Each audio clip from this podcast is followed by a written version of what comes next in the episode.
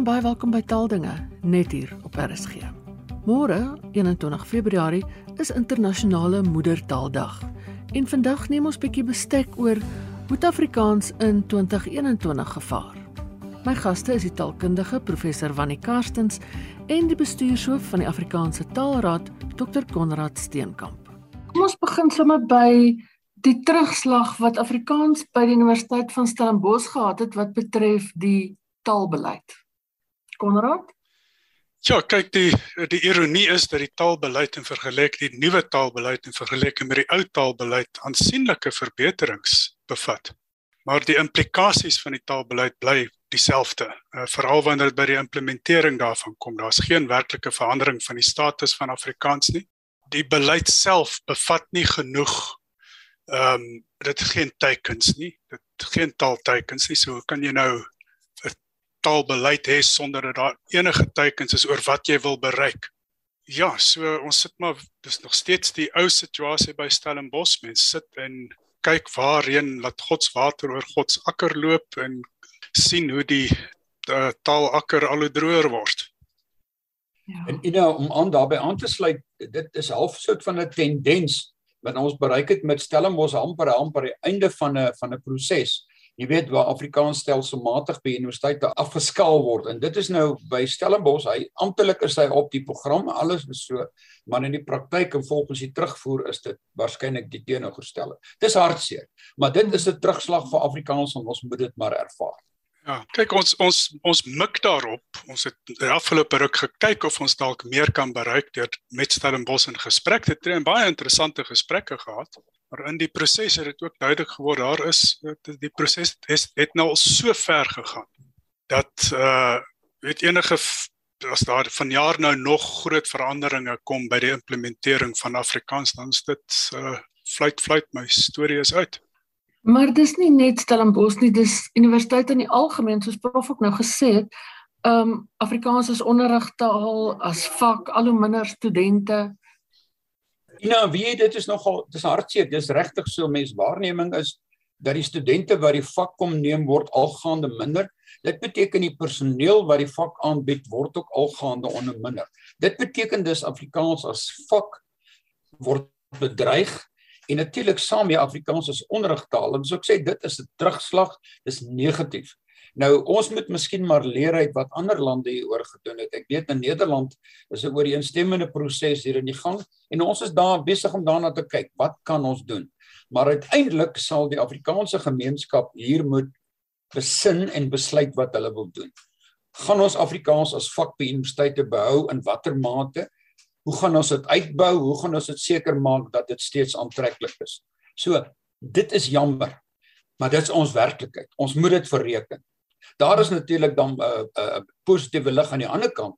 By ander universiteite kom dit gaan dit weer beter. Soos byvoorbeeld ons het nou gesien by Unisa is die saak gewen deur AfriForum en ander ander organisasies juis dat Afrikaanse uithaal uit die taalbeleid van die universiteit moet terugkom. Dit is positief, maar ons weet nie of dit maar 'n kort van myn wins is nie. En dan kry jy natuurlik dan 'n plek soos akademia wat weer begin groei, wat uitbrei So ons het aan die een kant 'n verlies, aan die ander kant moet ons maar weet hier is 'n alternatief en daarvoor moet ons dankbaar wees. Kon nou vir iets byvoeg? Ja, ek dink mens kan sê dat dit baie duidelik word mens kan nie aangaan soos in die verlede nie. So die rolspelers ook op hierdie universiteitsvlak moet saamkom. So beginnende met die Afrikaanse departement en daar is so 'n proses aan die gang en eerlik besin oor wat die toekoms inhou wat is die tendense en die neigings en hoe kan 'n mens as groep wat is die implikasies daarvan en hoe kan 'n mens as groep optree om dit tot die mate wat mens kan beter te bestuur. Dit gaan nie maklik wees nie. Hierdie is 'n dis 'n baie dit is baie moeilik om 'n proses soos hierdie in die gesig te staar en te sê hoe maak ons die beste daaruit. Maar dit is presies wat gedoen moet word. Absoluut, absoluut ja. En dan is daar nog die aanval as mens kan dit nie eintlik iets anders noem nie van die minister van hoër onderwys op Afrikaans en Khoisan wat dan nou skielik nie meer inheemse tale sou wees nie. Ons het ehm um, so ruk terug ek en Prof Wannie en Prof Erns Kutse oor die ding uit 'n taalkundige hoek gepraat. Maar dit het geweldige implikasies en 'n aanleiding van Sondag se se berig in die rapport oor basiese onderwysdepartement wat dan nou taalbeleid wil wil bepaal, daar lê 'n ander vlak van moeilikheid. You know, daar lê inderdaad 'n ander vlak van moeilikheid en dit is baie hartseer dat dit gekom het. Want dit onthou daar is soveel beloftes gemaak oor meertaligheid in die land en ook die die be bewaar van tale en die uitbou van tale. En hier kom ons minister van onderwys met 'n soort van 'n aanval op Afrikaans en in die, en hoe deel ek ook op Khoi en San wat geen mens begryp nie. En hy sê Afrikaans is nie 'n inheemse taal nie. Nou soos ons laas gepraat het, daar is meer as voldoende taalkundige redes om Afrikaans as 'n inheemse taal te reken. Maar as jy met politiek en taalkunde begin meng, gaan politiek wen en dit is baie hartseer. Konrad? Ja, kyk mes mes vra jouself af. Dit is so blaatant. Hierdie meganisme wat half ingeglip is in hierdie taalbeleid wat eintlik glad nie 'n slegte taalbeleid is nie weer eens. As hulle dit sou toepas met hierdie een voorbehou dat Afrikaans ook ingesluit word as 'n inheemse taal in soverre uh, dit nodig is om Afrikaans uh, te laat geld, dan kan 'n mens met so 'n beleid leef. 'n Mens kan universiteite aanmoedig om die beleid te implementeer en dis meer. Maar toe glip iemand hierdie klein meganismetjie in om Afrikaans uit te rangeer en te probeer om die fokus te verskuif na die Sien-totale of die sogenaamde Bantu-tale of die Afrika, Swart Afrika tale wat mense dit ook al wil noem en dit verander daardeur die beleid in in in sy totaliteit of ten minste die implikasies vir Afrikaans en dan ook vir die Khoi en die San tale. Nou vra mens jouself af wat steek daar agter dat iemand so 'n radikale besluit kan maak om te sê dat hierdie drie tale insluitende die oudste tale in die land of die tale met die diepste wortels alle tale is oud dat hierdie tale as nie inheems moet geld nie. Dit is verskoon my, maar dit is dom as strand. Dit is dit is gerig op een of ander kortsigtige politieke doelwit wat hier nagestreef word. Maar die implikasies is wydreikend. Dit het geweldige gevolg, politieke gevolge. As daar een ding is waarom bruin en wit en swart Afrikaans sprekende saam kan mobiliseer, dan is dit juis hierdie ding van Afrikaans in die Khoi en die San tale. Dit is 'n belediging teenoor ons geskiedenis. Mense weet dit. Mense is kwaad en as gevolg daarvan mobiliseer hulle en as die regerende party nog nie agtergekom het dat dit politieke gevolge het nie, dan gaan hulle dit een of ander tyd agterkom. Hierdie is 'n lelike kwessie. You know, dit het nog 'n interessante rimpel effek ook as jy op Afrikaans wat 'n baie gevorderde taal is, hierdie tipe aanslag het op Afrikaans, wat dan van die Afrika tale wat bevorder moet word in terme van die taalbepalinge in die grondwet. So die een van die sterker tale word nou uitgerangeer. Dit se boodskap is dus in die ander Afrika tale, ons gaan niks in julle doen nie. So hierdie is 'n dom ding, Konrad sê dommastrand, ek sê dit absurd en mense kan baie woorde daarby voeg. Maar Afrikaans sprekendes, eintlik alle taalmense in die land sal mobiliseer om hierdie proses reg te stel. Maar die jammerste is dat daar geen selfdes meer is. Die mense luister na geen argumente nie. En ehm um, ons moet maar sien wat vorentoe gebeur. Ons moet konstant druk plaas. Ja, en ek dink die optrede van iemand soos Panjasa Lesofie is wel bekend en sy stryd amper teen Afrikaans. En as die basiese departement van basiese onderwys dan nou ook self besluit watter skole se taalbeleid, dan gaan daar nie meer plek vir Afrikaanse skole wees maar maar Ina dit is uh, amper 'n direkte gevolg van die minister se Mandi se se oordeel oor Afrikaans. Dan ja. begin hy deurwerk na ander terreine ook. En hier sien ons dit enkele maande later op die kwessie van die onderwystaal en uh, dit gaan beduidende impak hê want onthou as politici in beheer is van taal dan kom daar moeilikheid. Politici doen wat hulle dink is reg nie wat noodwendig reg is vir die land nie.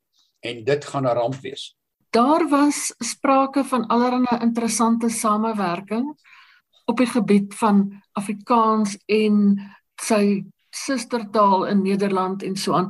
Maar COVID het bietjie van daai samewerkingsooreenkomste in die wiele gery. Vertel ons bietjie daarvan. You know, wie COVID het ons nie net op 'n persoonlike vlak bereik nie, maar het ook die tale bereik, het die ekonomie in die land bereik. Ons sien dit in die totaliteit. Maar in terme van sake met werkingsooreenkomste, baie van die universiteite veral in die, in die lae lande het in die verlede ooreenkomste met universiteite of instansies in Suid-Afrika gesluit in terme waarvan daar fisies klas gegee sou word in die betrokke Europese land. Dis nou in Nederland of in um, in België. En hier verwys ek spesifiek na Leiden en ook in Antwerpen en Gent in België. Maar in al hierdie gevalle was dit nie moontlik vir die betrokke dosente om persoonlik te gaan nie. In van die gevalle kon dit aan die gang gehou word deur virtuele lesings, maar dit is nie dieselfde. Verstaan jy dat die dat die aanwesigheid daar, die gesprekke wat gevoer word, die taal wat elke dag gepraat word, het 'n ander impak as die virtuele ene. So dit is vir my jammer. Die mense kon dus nie gaan nie. Ek weet in die geval voorbeeld van Gent is daar al 2 jaar lank iemand wat nie kon gaan om die program te gaan voorsit nie. En dit is regtig jammer. Maar dit is 'n teleurstelling. Ons hoop van harte dat in sodra COVID nou iets van die verlede is, kom daar weer 'n herstelling.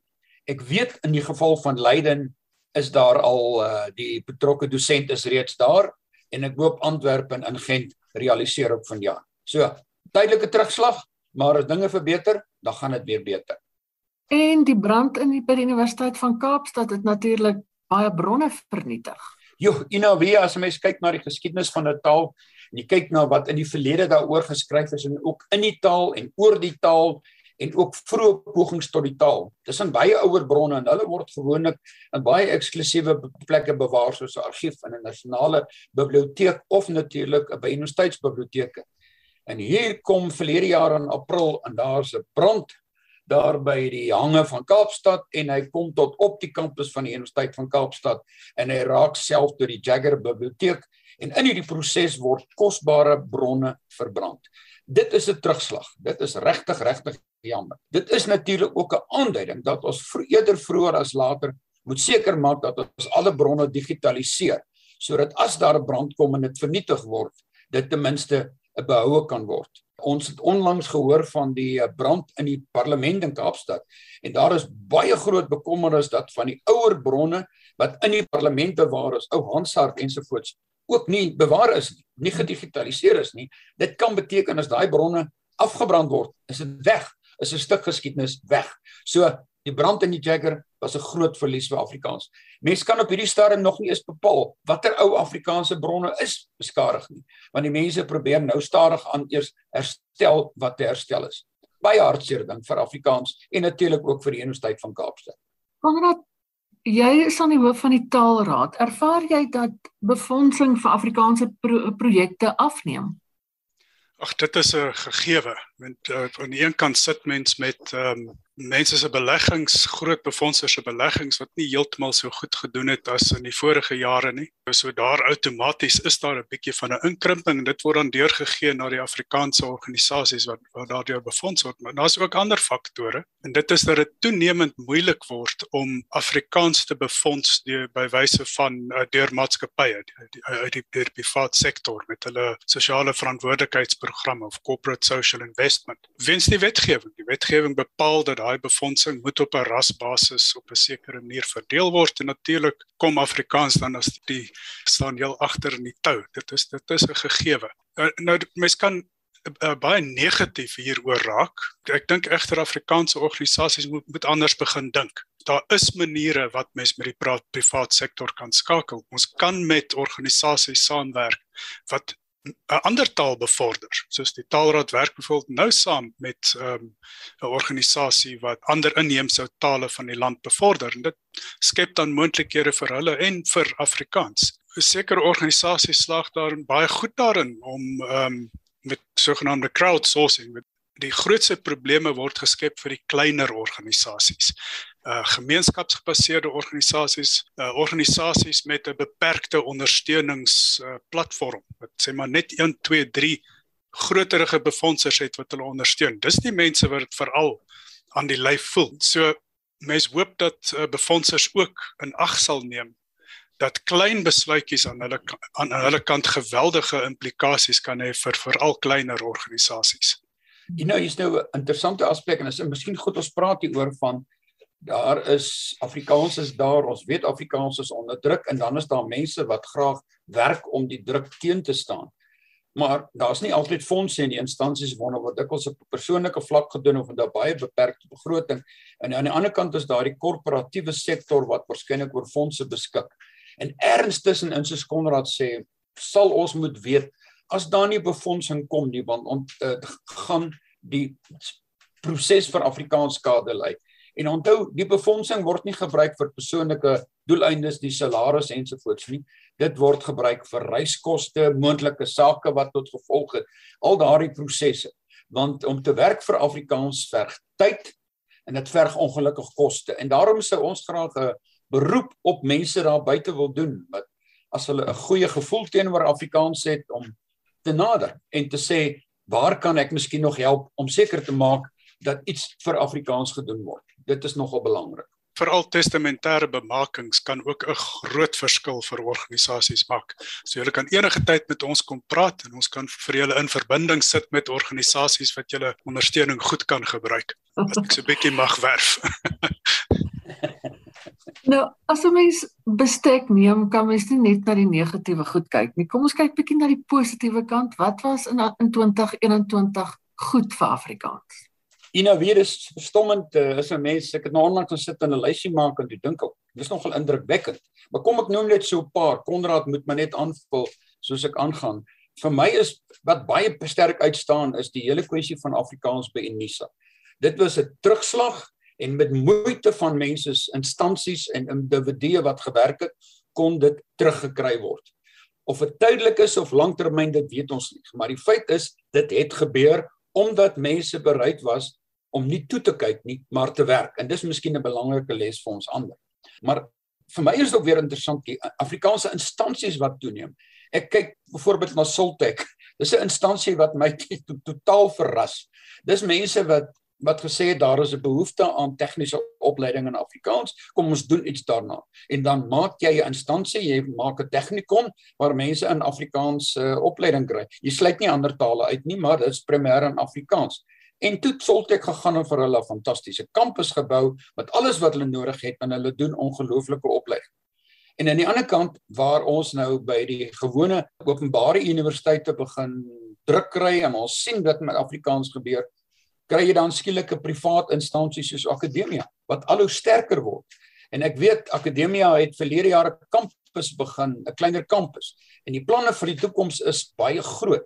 So, vir die Afrikaanse gemeenskap is dit 'n baie diepe boodskap. Ons weet dat die Akademia in die toekoms baie groot uit uitbreidingsplanne het. Hulle sal dit waarskynlik aankondig. Maar ons in die Afrikaanse gemeenskap moet hierdie twee dinge van die tegniese opleiding en die akademiese opleiding in Afrikaans as baie baie belangrik beskou. Dit is nogal vir my my besonders. Konrad, ek kan nog een of twee noem en dan moet jy my invul wat ek net betrokke is. Byvoorbeeld van 'n akademiese standpunt, dit Afrikaans nogal baie aandag in die buiteland gekry. Ek kyk by instansies soos in Nederland waar Suid-Afrika huis gereeld byeenkomste het. COVID het ook 'n impak gehad, maar geleidelik teen die einde van die jaar het dinge begin beter gaan. Maar dan was daar ook belangrike kongresse. Daar was 'n kongres oor Afrikaanse grammatika in Amsterdam en Zurich. Wat dis vir my sê die mense praat daar buite nog oor Afrikaans as akademiese taal. As dit nie gebeur nie, dan moet ons bekommerd wees. En ek self het voorreg gehad om om by een van hierdie goed betrokke te wees en dit was so lekker om my belangstelling te ervaar. En onthou, die mense wat dit organiseer is grootendeels mense in die buiteland, akademici wat dink daar is 'n waarde. Hierdie mense is vir ons ongelooflik belangrik. En dan dink jy saam by soveel plekke in die buiteland word Afrikaans as vak aangegee. Ek dink in Wene, in Moskou en in uh, waaroor as ek maar oral word Afrikaans aangebied en mense volg die kursusse. En dit is belangrik. Daar is kreatiwiteit wat loskom. Daar is publikasies wat loskom. Daar is die belangstelling word aktief gehou en ons moet dit koester daar is mooi dinge aan die gang in die buiteland en ook in Suid-Afrika en mense moet daarvan bewus wees. Vir my is dit belangrik dat ons steeds volhou om te publiseer in Afrikaans. Dit is fantasties. En dis nie net oor die letterkunde nie, dis ook oor geskiedenis. Ek weet Nicol Stassen het 'n verlede jaar 'n nuwe boek oor die Torsland trekkers uitgebring. Dat nuwe boeke verskyn oor die Anglo-Boereoorlog. Allerhande ander politieke aspekte. Met ander woorde, mense dink steeds dit is van belang om in Afrikaans te publiseer. En daarom moet ons vir uitgewers soos Protea en van Skype en Naledi, African Sun Media, Milan Media, Kraal Uitgewers aan die ander. Ek kan nie is almal onthou nie. Dankie sê dat hulle nog steeds dink dit is die moeite werd om in Afrikaans te publiseer.